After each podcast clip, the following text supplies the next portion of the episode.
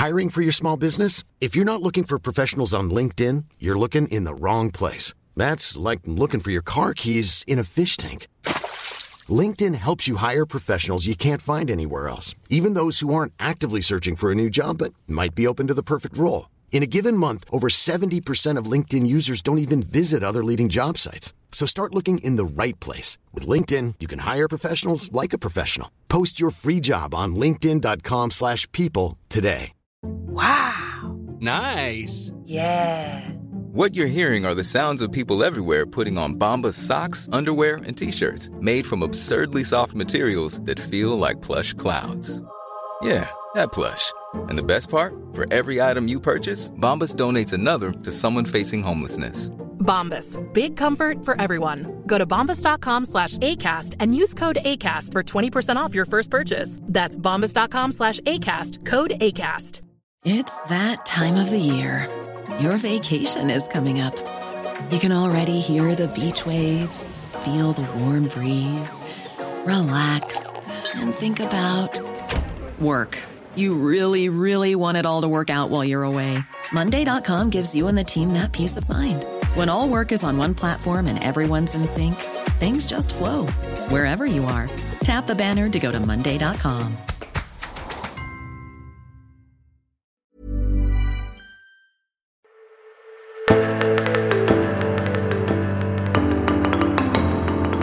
I denne ukens episode av Tore og Tarjei sitter jeg, Tarjei Gilje, her sammen med nyhetsredaktør Astrid Dalehaug Norheim.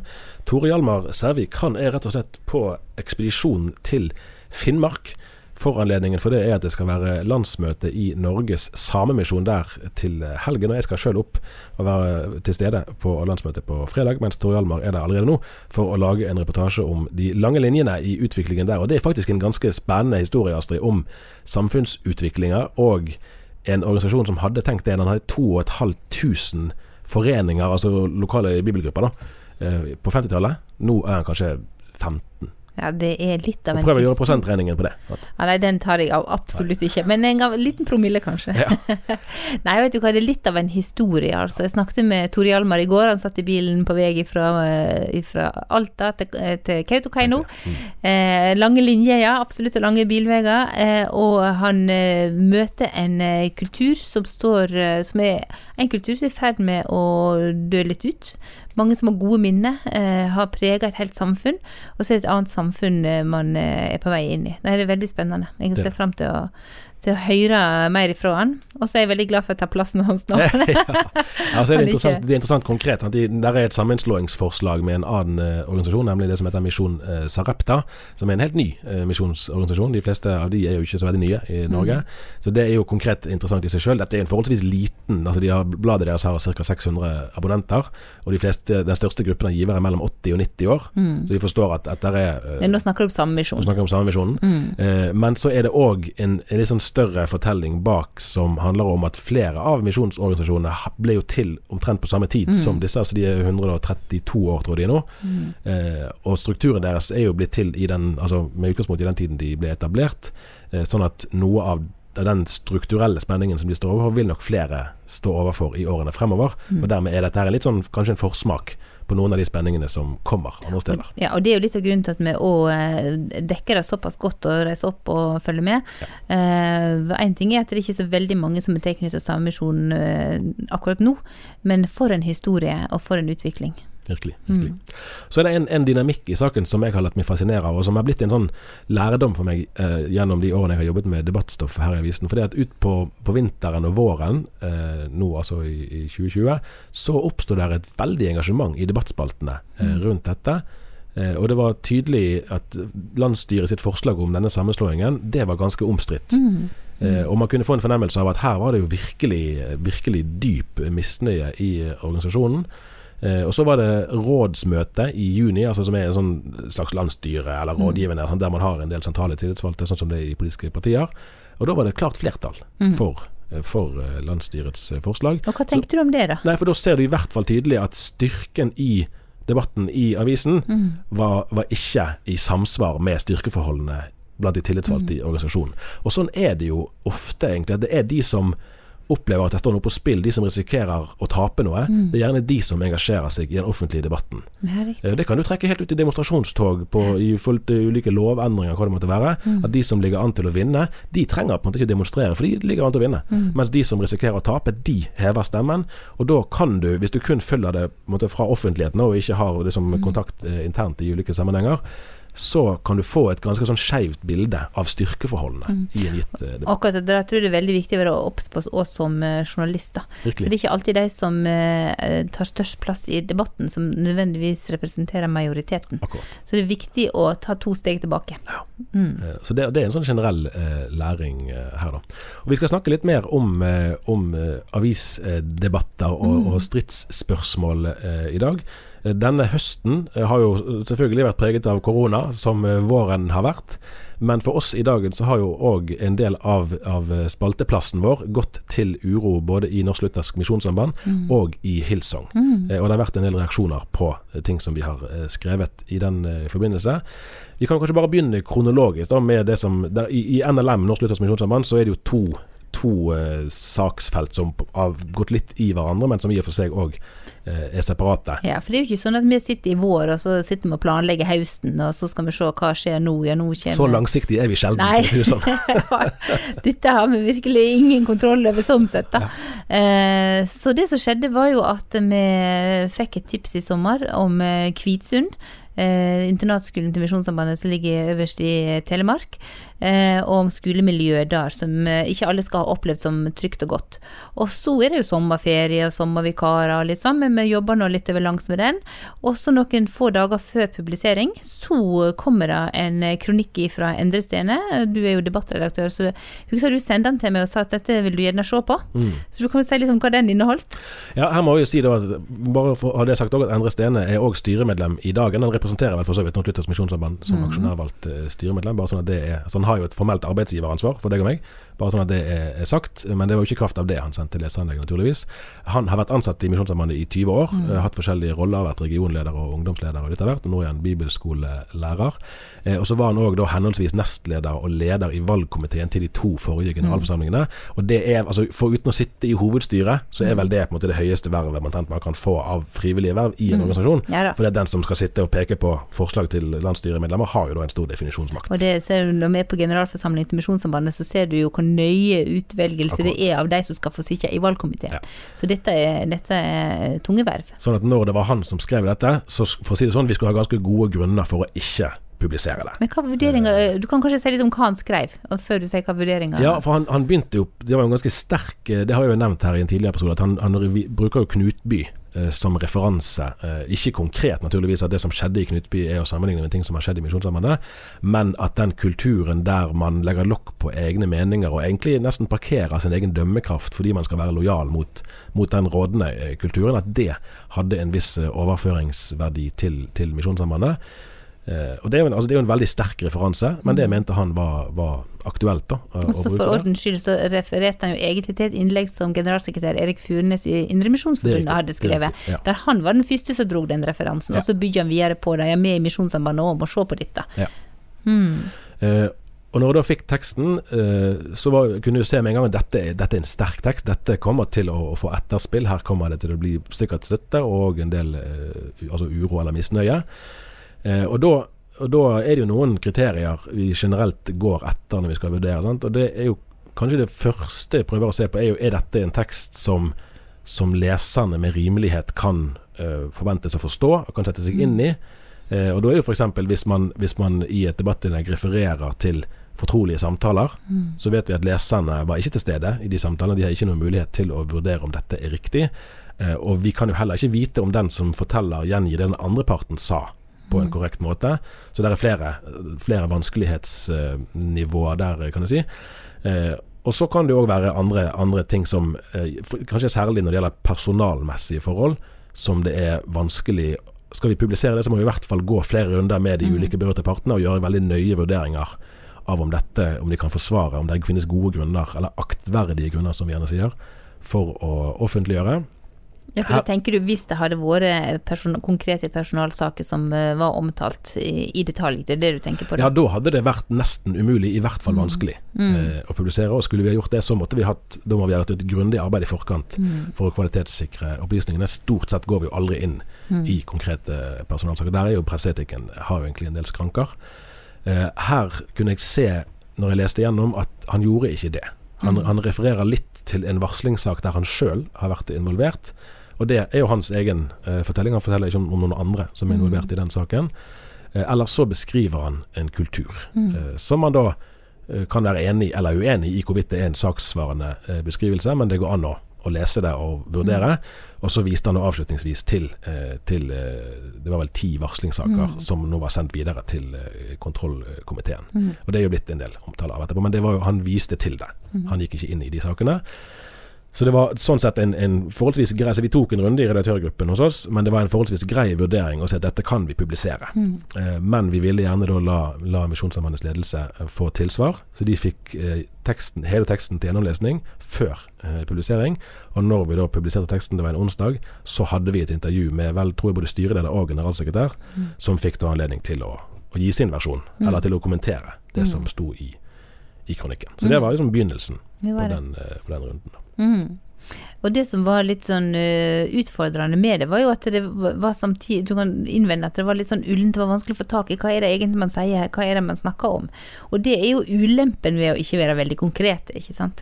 Så det er alltid et sånn uh, spenn der som eh, vi som journalister òg må tenke over hva, hvor mye videre kommer ved å publisere disse opplysningene. Akkurat. Men det er kanskje litt annerledes for deg som redigerer leserbrev, sammenlignet med meg som eh, nyhetsredaktør. Ja, det kan du godt si. Det kan du godt si. Og så er det jo en Altså jeg, jeg skrev en sånn lørdagsleder ganske tidlig her der jeg påpekte at uh, for en generasjon siden kanskje, så, så diskuterte man jo mer eh, ulike teologiske spørsmål. Eh, synet på Israel, synet på endetiden, hva som er synd og ikke synd, f.eks. Eh, og der kan man, I hermetegn så er det på en måte lettere, for da kan du si ja, men det bibelverset peker sånn, og det bibelverset peker sånn, og så kan alle lese det verset og sjekke hvordan man sjøl vurderer det. Så det er et slags objektivt grunnlag da, for, for debatten. Når du her snakker om kulturkonflikter eller ledelseskultur og maktmisbruk, manipulasjon og sånne ting, så er det jo vanskeligere å finne frem til helt objektivt dette er det som er fakta i saken. Men da er det jo det å si at det er ikke meg som, eller vi som journalister som kan bestemme hva folk er uenige om, eller hvilke konflikter som finnes der ute. Det, har ikke vi noe, det er ikke vi som, som styrer det. Vi må forholde oss til, til de konfliktene som eh, finnes der. Eh, og da, ja, det er en der er en, en, en utfordring kan du si, i at uh, man beskriver en kultur der en del lesere har gitt uttrykk for at vi skjønner ikke hva han snakker om. Eh, og det, det kan man jo for så vidt forstå noen ganger at det kan være vanskelig, og særlig hvis man ikke kjenner kulturen. uh, at man ikke helt får grep om, om hva dette handler om. Men det hadde vært mye vanskeligere hvis han hadde gått inn i konkrete personalsaker og sagt der og der og der gjorde generalsekretæren eller styrelederen sånn og sånn, og det burde de ikke ha gjort. For det er det. Der er det jo en mengde ting sannsynligvis som ikke nødvendigvis kan offentliggjøres. Ja, altså EU, altså, men det, det kan også bli brukt som et argument eh, mot å skrive om den type saker, at det er vanskelig å skrive om kultur. Ja, det er kanskje det, men det er jo tross alt ganske mye eh, Det er veldig viktig for folk hvordan man har det på en eh, arbeidsplass eller i en menighet. Sånn at det kan ikke si at det ikke har noe betydning hvordan om man får en følelse av frihet eller frykt når man går inn ei dør, eh, om man risikerer å bli irettesatt og latterliggjort i eh, alles påsyn, eller man føler at dette er en plass man kan få lov å si dumme ting eller mm, prøve helt nye tanker uten at man blir slått ned. Nå, nå er ikke det det som er snakk om i Endre Stene sin eh, sin eh, kronikk først og fremst, men jeg bare tenker som, som kultur så er det faktisk viktig, og det er noe håndfast òg. Ja, ja. Kan ikke bare avvise det. Nei, det, det tror jeg det er farlig, farlig å gjøre. Men midt oppi dette her, da, mens vi holder på med Kvitsund og Endre Stene sin eh, kronikk, så får vi altså et tips som vi heller ikke styrer på noe vis, eh, om at eh, pastor i Hilsung Oslo, David Hasseløy, eh, har sagt opp, og flere andre er i ferd med å gjøre det samme. Og da er det jo det å si at Hillsong var jo en helt ukjent størrelse i Norge for 20 år siden. Det var det for så vidt i verden eh, for 30 år siden. Altså det oppsto i Australia på 80-tallet, vel. 1983 i Ja, Sydney. eh, Mm. Og, og Først var det jo kjent for, for musikken sin, og så etter hvert har det blitt et menighetsnettverk som har særlig fått utbredelse i internasjonale storbyer. Ja. Eh, man har òg hatt en syv-åtte menigheter i Norge. Det var jo først Intro, som det het, mm. i Sandnes og Stavanger, og utbredelse etter hvert til Østlandet òg, som da skiftet eh, navn eh, til Hilsong og ble del av det nettverket. Eh, og Der hadde vi jo en stor sak med Jostein Krogedal som er liksom hovedmannen i Norge, som sto frem i januar, tror jeg det var i fjor. Da var det en del varslingssaker, så vi skrev jo en god del eh, om det. Eh, og Så skulle det jo være en sånn prosess der man skulle prøve å håndtere disse varslene. og Så fikk vi jo vite at han var tilbake i sving i fjor høst. Eh, og så har det gått et år, eh, og så kom det nå. Ja, eh, så det kom jo ikke helt ut av det blå, men det har vært ganske stilt i ett års tid. Ja. Eh, men det som var utfordringen da òg, var jo at eh, det var helt taust om årsaken til at eh, David Hasseløy Ja. Det var litt påfallende, for de fortalte jo sjøl om avgangen, men det var egentlig ingenting om eh, hva som lå bak. Nei.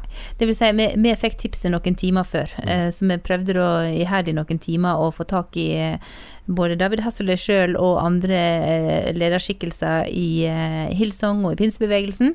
Eh, men det var helt taust fram til vi fikk melding om at nå kan dere se på sosiale medier. Og Ja. da lå det da en Instagram-post på både Hillsong sine sider og på Hasseløy sine sider om at de har gått av. Eh, men veldig lite om årsaken. Så, og etter det så har det jo eh, vært flere andre pastorer som har gått, og frivillige har gått, og eh, vi har jobba mye med den saken og fulgt den eh, utviklingen. Når du får det tipset, når vi får det til redaksjonen, hva er, hva er avveiningen knyttet til Ja vel, dette, der er en som slutter. Der er jo alltids uro rundt omkring i kristne menigheter til enhver tid, sikkert. I hvert fall når det er en viss størrelse på de, og tilsvarende i større kristne organisasjoner. Hva er det som gjør at dette blir en avissak? Ja, det er et godt spørsmål. Nei, for det er jo alltid folk som slutter og begynner. Eh, og nå hadde jo selvfølgelig med det bakteppet, eh, med, med det som hadde skjedd i Hillsong ett år tidligere, eh, og at eh, den gangen så kom lederen Jostein Krogedal tilbake igjen uten at det var annonsert at han var tilbake igjen. Han kom, begynte mm, å tale igjen, og du merker at det skapte litt sånn spørsmål og uro, og folk opplevde at de hadde ikke fått helt svar på som, hvordan de varslingene som var mot lederstilen hadde blitt håndtert. Så det lå et sånn uro over et bakteppe, og så går eh, pastoren så brått, uten forvarsel. Eh, Hasseløy har et høy stjerne i Hilsung Oslo, så da er det helt naturlig å prøve nettopp å finne ut av det. Selvfølgelig, folk må få lov til å bytte jobb og slutte og, og, og så videre, men her eh, var det gode grunner til å spørre hva er det som har skjedd her.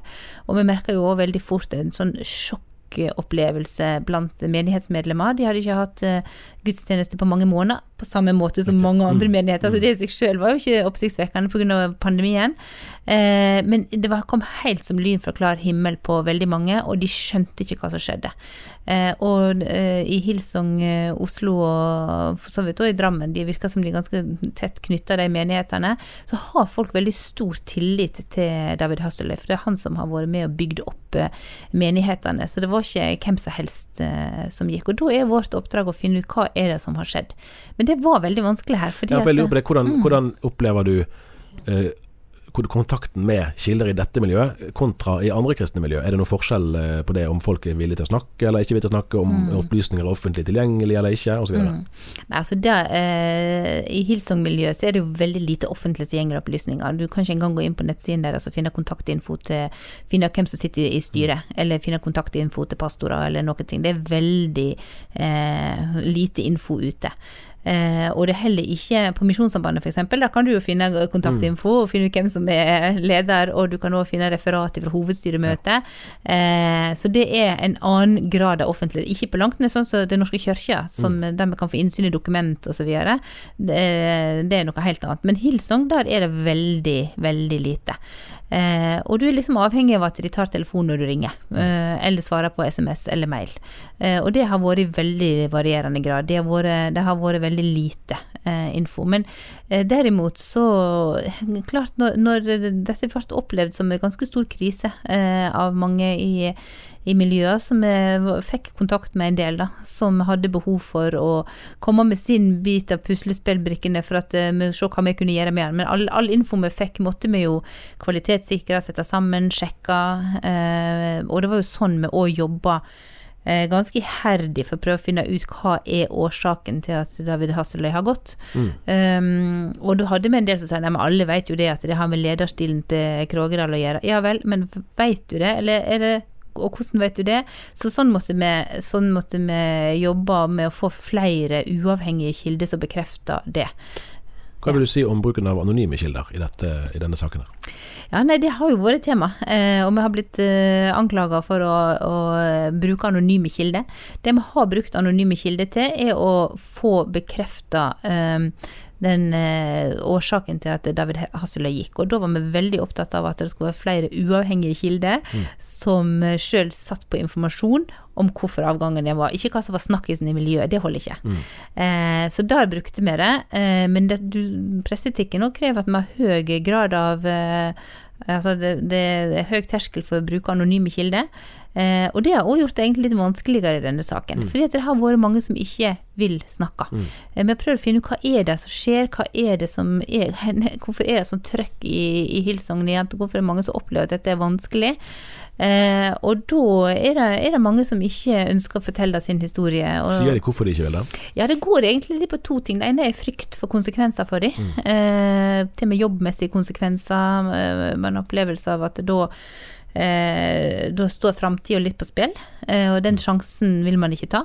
Da, og det andre som kanskje er enda mer gjennomgående, er at det er så veldig sterke eh, bånd mellom folk på, på, ulike sider i konflikten. Da. Eller man vet kanskje ikke hvor man har andre, sånn at man eh, opplever at man eh, nesten bryter med en eh, sterk familie hvis man sier noe. Eh, og så har jo vi vært ganske nøye på at vi ikke ønsker å fortelle anonyme historier. Mm. Så eh, det har vært en del samtaler med folk der eh, Men det er nyttig å få som et bakgrunnsbilde. Mm. Eh, men der vi ikke har brukt eh, navn Altså, vi har ikke kjørt intervju med anonyme. Men det er det òg de samtalene og kontakten med ulike folk i Hilsong gjorde, som var veldig nyttig, egentlig, var at de, de, første varslingene som gikk i fjor, som jeg skrev en del om da, gikk jo veldig mye direkte på lederstilen til, til lederparet. Eh, nå hører jeg at når jeg snakket med folk, så var det veldig mange som ikke hadde noe forhold til det, egentlig. Mm. Men der man opplever at uh, kulturen igjen, da, ja. i Hilsong gjør at det er vanskelig å være der. Eh, at man ikke eh, opplever at man, eh, at man opplever at det er veldig bruk for en, f.eks. så lenge man kan stå i en tjeneste og yte mye. Men hvis man av ulike årsaker ikke har muligheten til det, så er man ikke så interessant lenger. Det er en opplevelse. Men for meg var det nyttig å høre at dette handler om mer enn bare én eh, eller to personer mm. på toppen, og måten de opptrer på. Da. Men likevel, eh, som sagt i januar så var det et stort intervju med Krogedal. Mm. Vi traff han på Gardermoen, og, det var jo et sterkt intervju på mange måter. det. Eh, denne runden her så har han vært helt uh, taus. Mm. Uh, samtidig som man kan jo forestille seg at dette, at dette rammer jo han likevel mm. sterkt, selv om, selv om, kritikken for så vidt retter seg mot flere. Hvordan, hvordan har vi arbeidet og forholdt oss til at dette er jo en menneskelig belastning ja. eh, for folk som har investert mye krefter i, i Hillsong i Norge. Ja, akkurat det der tror jeg er veldig viktig å ha med seg hele veien. For du merker når jeg er i kontakt med kilder, sånn, så er det en veldig frustrasjon. da. Eh, men altså, som journalist så må du hele tida eh, tenke over hvordan det oppleves eh, for de som er ramma av dette, og, mm. og, deres familie og folk rundt de og andre. Så det, det er kjempeviktig eh, å ha det med seg. Eh, og rent presseetisk så er det jo en en eh, krav om at de skal, hvis de blir utsatt for sterk kritikk av faktisk art, som det heter, mm.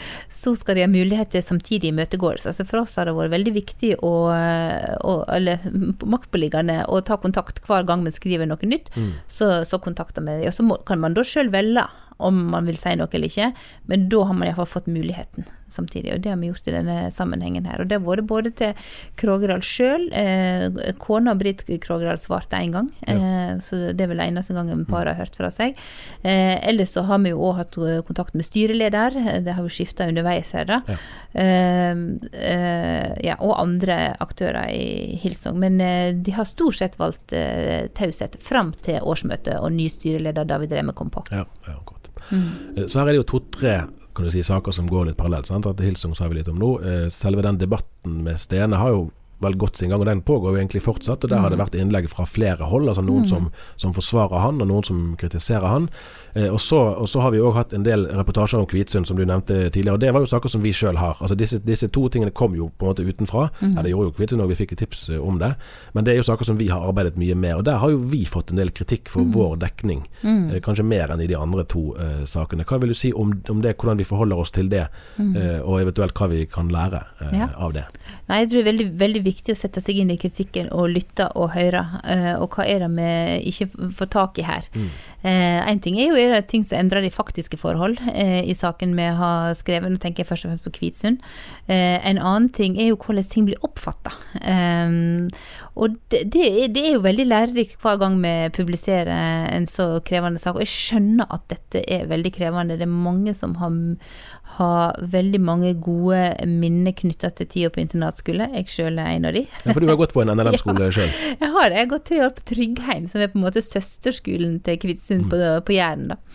Eh, og levde tre år i et internatmiljø, og har jo i all hovedsak veldig mange gode minner. Og har vært veldig godt for meg. Ja. Så det var min bakgrunn. Men samtidig vet jeg jo hvordan det er litt sånn sårbarheter på et internat. Eh, Masse ungdommer samla, liten voksenkontakt eh, og den type ting, da. Eh, så det var veldig nyttig å ha med seg, egentlig. Selv om som sagt min erfaring i all hovedsak er god, da. Ja. Eh, men, men jeg, vi skjønner altså det, var veldig, det har vært veldig sterke reaksjoner der folk syns vi har vært ufine mot eh, Kvitsund, og at, eh, at eh, det har vært vanskelig å forstå at dette har vært aktverdige grunner til å skrive om det. Det vi jobba med hele tida når, når vi skrev om det, var jo spørsmålet Altså, vi vet da det er mennesker. Da vil det skje feil. Det blir sagt dumme ting, det blir gjort dumme ting. Eh, folk blir såra, eh, og ekstra utsatt er man jo selvfølgelig i ungdomstida, ikke sant, langt vekke fra foreldre og, si, eh, og så videre. Eh, så det, det må vi jo ta høgde for. Men kan ikke, eh, igjen, det, er ikke en konflikt som nødvendigvis hører hjemme i avisspaltene, så lenge det er innenfor normalen, på en måte. Det vi var, la vekt på, var jo også å se om dette eh, Og det gjør vi også det tenker vi vanligvis i journalistikken. Sant? Hvordan blir det håndtert når det, noen gir beskjed? Blir det hørt? Er det noen som går inn i sakene, vil gjøre noe? Så det, det var en av de tingene vi, vi hørte flere elever fortelle fra Kvitsund, at de opplevde ikke å bli hørt. da. Uh, og så er det jo selvfølgelig hva konsekvenser det får for folk. Uh, og vi så, og vi er litt opptatt av å finne ut av er dette bare uh, en, noen få elever på ett årstrinn som er misfornøyde. sant? Så for oss var det viktig å se, lage sånn liste over elever vi har vært i kontakt med, hva år de har gått der. Sant? Sånn at det, det var ulike år, de kjente hverandre ikke nødvendigvis, osv. Så, videre. så det var viktig å se om det er noe mer enn vanlig uro ved skolen. Og så tror jeg jo at det kan være Altså det, det, det er ikke helt enestående, vil jeg tro. Altså hadde du gått på en offentlig skole, eh, så kan du også ikke finne veldig mye eh, ting som er kritikkverdig. Eh, og det er absolutt god grunn til å skrive om det òg. Eh, men nå var det dette som var på bordet vårt, og da måtte vi se på det. Er du overrasket over måtte, styrken i, ja, i kritikken, eller i misnøyen, eh, når saken er blitt lest? Altså, jeg, merker jo at det er veldig delt. Sant? Det er de som takker oss, som forteller at de kjenner seg igjen, men de orker ikke fortelle. Eh, som heller ikke ser i spaltene. Og så har du eh, de som, de som takker for at vi eh, skriver på vegne av de som ikke har hatt det godt, eh, og kommer med de historiene. Og så har du òg kritikken. Så det, det er delt, da. Absolutt. Um, ja Nei, overraska. Jeg prøver iallfall å, å prøve å forstå hva er dette for noe. Har vi, har, Skumba skrevet mer? Skumba skrevet mindre? Altså det er sånne, sånne ting eh, Der der kommer vi ferdig med å tenke og, og vurdere ennå, tror jeg. Nei. Eh, det Nei, for, for, du, nå skal ikke vi smigre hverandre her, men, men det er vel ingen som er aktiv i norsk presse som har skrevet om Misjonssambandet lenger sammenhengende enn du har gjort. Eh, og sånn sett er det liksom ekstra interessant synes jeg, å spørre om det er noe distinkt her som Altså er det en, en, en Jeg har av og til lurt på f.eks. går det an å trekke en, en viss parallell, det har jeg jo skrevet om, sant, mellom Arbeiderpartiet og Misjonssambandet. Ikke fordi de er spesielt like i, sin, i Mm. Nei, sin det tror ståsted, men at jeg tror, det tror ingen, av de for å si det sånn, vil si at de er. Men at i en sammenheng der du har en sånn sterk indre lojalitet, Ja, så kan det være en, en risiko at man Ja, men dette er ikke det jeg har opplevd, Mm. og da har man vanskelig for å akseptere, eller for å helt å, å klare å forstå da, at Mm. noen andre har opplevd noe sånt i den sammenhengen som jeg er så glad i. Ja, ja. Og det tror jeg, sånn, Man har investert mye i en organisasjon, og de har gjort fantastiske ting, hvis du ser hvor stor organisasjonen er og alt. Mange dedikerte folk, eh, både i arbeid i Norge og internasjonalt, eh, som har gjort eh, langt mye mer enn det du kan forvente av enkeltpersoner, og kaldstrevne. Eh, så klart, det, det er vondt å høre at ikke alle har da hatt det bra. Eh, så det er, jo, det er jo forståelig på en måte. Men du ser, hvis du skal Jeg har ikke tenkt så mye på, på å sammenligne med Arbeiderpartiet før, men det er nok en veldig sterk vi-opplevelse. Og det har jo sine styrker, ikke sant. Den der kollektive vi gjør det sånn, og vi har det sånn.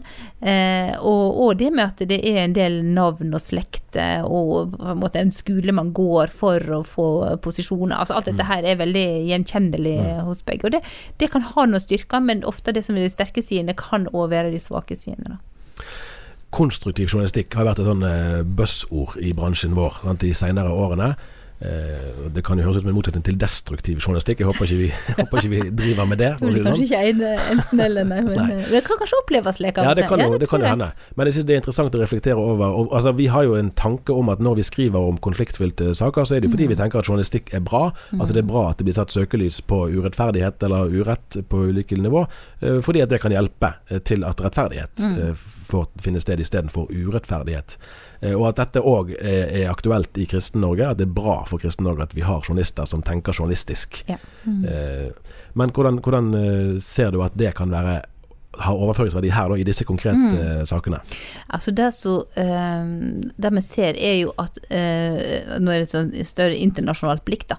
Men at eh, journalister og vi, eh, kan ikke bare snakke med andre, har vært kanskje veldig sånn konfliktorientert og forteller de dårlige nyhetene og de dramatiske nyhetene og det som går gale på kort sikt.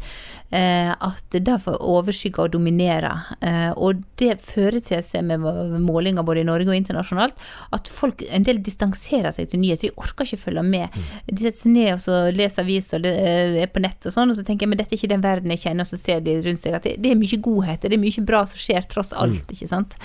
Eh, så det har ført til en sånn bølge av eh, konstruktiv journalistikk, eh, som du sier.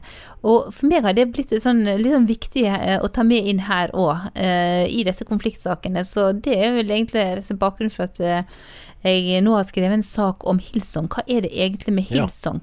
Eh, som gjør at Altså, vi skriver om pastoravganger, vi skriver om folk som har vonde erfaringer, men eh, så må vi trekke pusten, og så må vi heve blikket litt.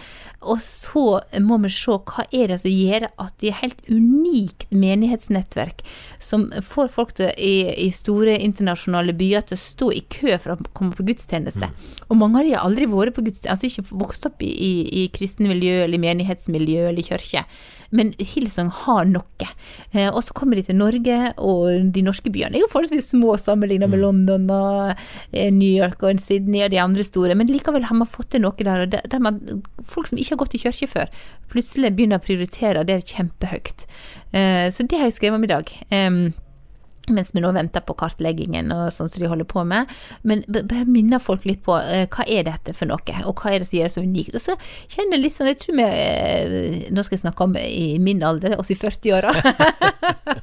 Nei, og eldre. Vi har kanskje litt sånn eh, Det er så behagelig å lene seg tilbake og liksom eh, legge armene i kors og tenke ja, ja, det gikk nå ikke så bra. Altså, det, jeg, jeg ønsker veldig ikke å nære opp under den der, da. Eh, og heller se på hva som er så unikt med, med Hillsong.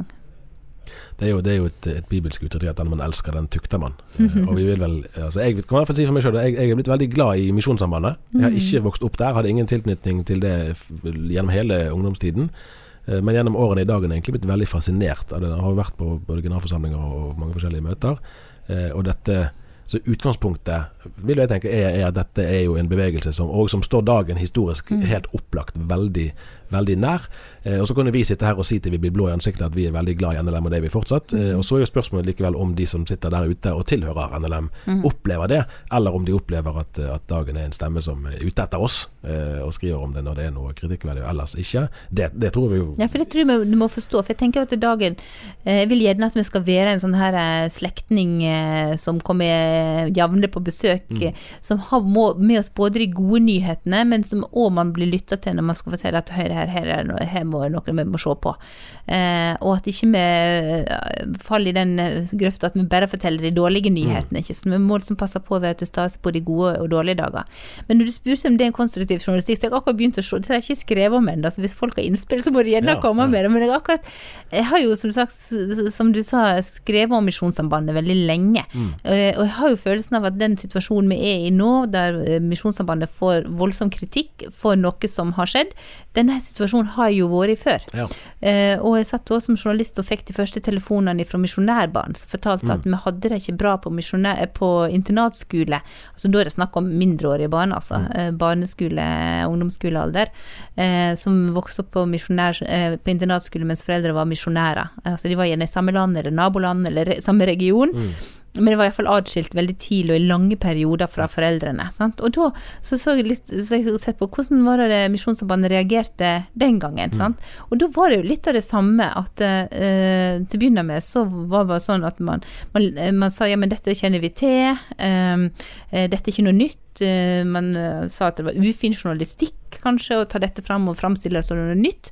Og så går det et par år, og så får man en stor eh, kartlegging av eh, der man kontakter Setter ut til et eh, forskningsbyrå, IRIS, eh, som kontakter alle som har vært på internatskole og foreldrene deres, for å finne ut hvordan det faktisk var.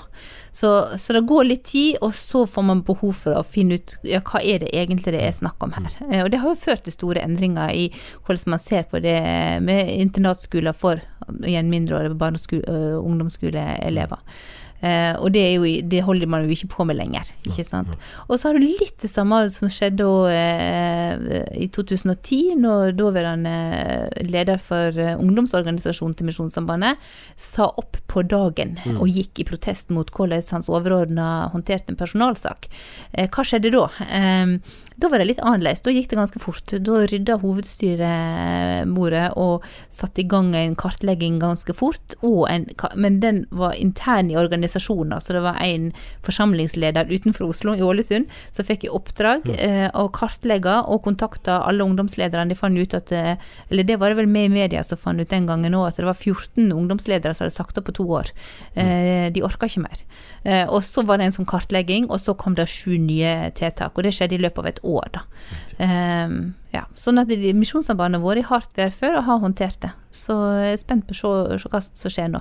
Men det er jo litt av det konstruktive. Hvordan har man håndtert lignende situasjoner før, eller hvordan har andre håndtert lignende situasjoner? Man skal liksom peke på ikke én løsning, ikke gå inn som aktør som journalist, men se ok, hva er mulige veier å gå her, da. Jeg tror jeg kommer til å huske lenge. Det, det må ha vært høsten 2016. For det var jo sånn annet år der det var en del eh, forskjellige konfliktsaker i Kristen-Norge som kom etter hverandre, uten at det var noe i og for seg regi på det. Og da var det vel, da tror jeg ledet vel ut en samtale på Eldorado bokhandel i Oslo. Og så sto Kjetil Aano der, som hadde vært generalsekretær i NMS når de hadde hatt en del av de sine misjonærbarnsaker og, og fra tilsvarende skoler. Og det var jo veldig beundringsverdig når han, han sto der og sa nærmest 'jeg gjorde alt feil'. Det var det han sa. Jeg gjorde alt feil. og det er veldig flott da når en leder eh, Ja. våger å si det. Ja. Og det var nettopp i en sånn misjonærbarnsak, for da tenkte man dette har man hørt før. Eh, Så, så fortalte han hvordan han inviterte misjonærbarn til Egeberg-restauranten med sammen med psykologer, og at alle skulle få snakka ut. Det gjorde de, og han tenkte at var, nå var vi ferdig, eh, og så fant han ut nei, dette var for billig. Mm. Og så kom den der store misjonærbarneundersøkelsen som eh, de var sammen med Misjonssambandet om. da.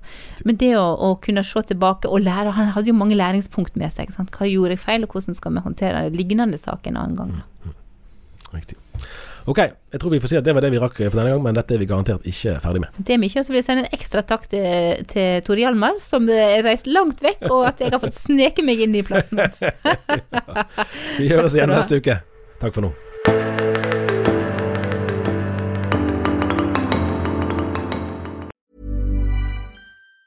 Even on a budget, quality is non-negotiable. That's why Quince is the place to score high-end essentials at 50 to 80% less than similar brands. Get your hands on buttery soft cashmere sweaters from just 60 bucks, Italian leather jackets, and so much more.